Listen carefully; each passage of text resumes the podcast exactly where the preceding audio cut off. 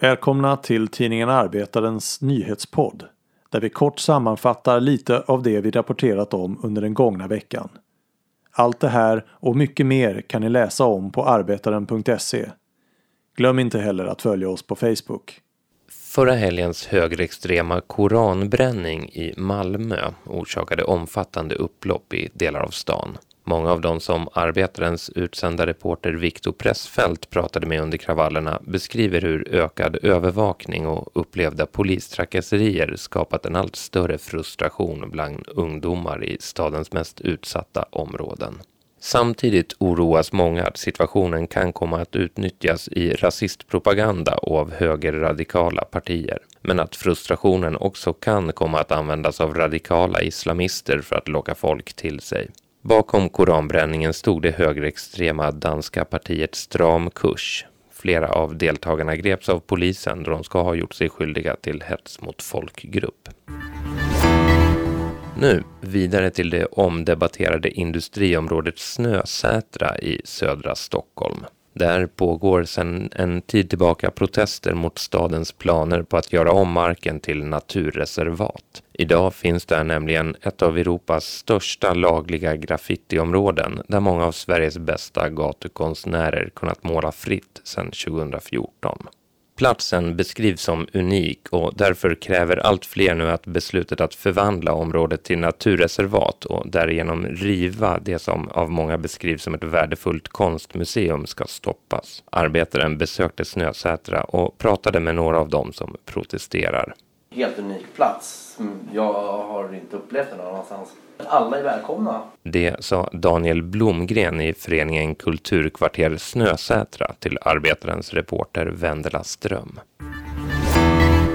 Och så till den kontroversiella och hårt kritiserade e-handelsjätten Amazon. De söker nämligen underrättelseanalytiker för att hålla koll på organiserade arbetare och facklig aktivitet som de anser kan komma att störa företaget, som är ett av världens största. I en jobbannons på nätet som snabbt plockades bort skriver Amazon att de sökande till tjänsterna gärna får ha bakgrund inom militären och att arbetsuppgifterna bland annat innefattar att hålla koll på geopolitiska kriser och konflikter i området där företaget verkar.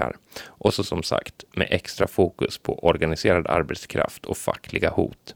Arbetaren har flera gånger rapporterat om de många turerna kring Amazon och många anställda har vittnat om usla arbetsvillkor, avskedanden och om omfattande antifacklig verksamhet. Mer utrikes. Myndigheterna i Qatar meddelade i söndags att flera förbättringar ska genomföras för den stora gruppen migrantarbetare som finns i landet. Bland annat ska de få rätt att byta arbetsgivare och dessutom erbjudas en minimilön motsvarande 2300 kronor i månaden.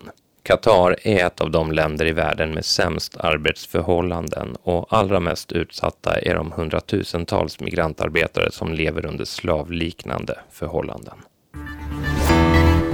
I USA har en republikansk studentgrupp vid ett universitet i delstaten Arizona startat en insamling till den rasistiska mördaren Kyle Rittenhouse som i förra veckan sköt ihjäl två personer som deltog i en Black Lives Matter-demonstration i staden Kenosha.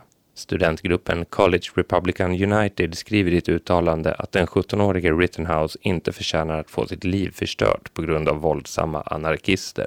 Insamlingen har skapat stor ilska runt om i USA. I förra veckan vägrade också president Donald Trump att fördöma den 17-åriga mördaren. Nu vidare till sista ordet med Annie Hellqvist.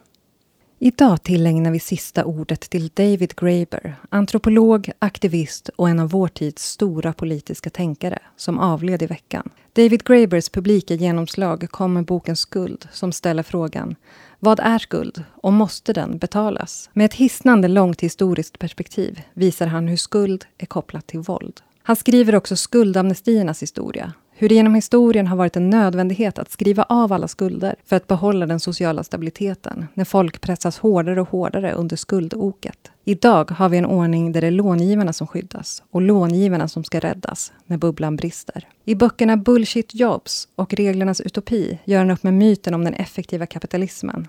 I Reglernas utopi visar han att bilden av byråkrati som synonymt med en storstat, något vi kastar av oss i takt med att statens ägande krymper och allt mer underställs den fria och effektiva marknaden, är falsk. I själva verket är det tvärtom. David Graeber var en av vår tids viktigaste anarkistiska teoretiker. Alltid pedagogisk, alltid radikal. Han blev heller aldrig cynisk. Hoppet om ett annat, bättre samhälle genomsyrade hans texter. I Reglernas utopi skriver han den dolda sanningen om världen är att den är något vi skapar och vi skulle lika lätt kunna skapa den annorlunda. Läs något han har skrivit idag.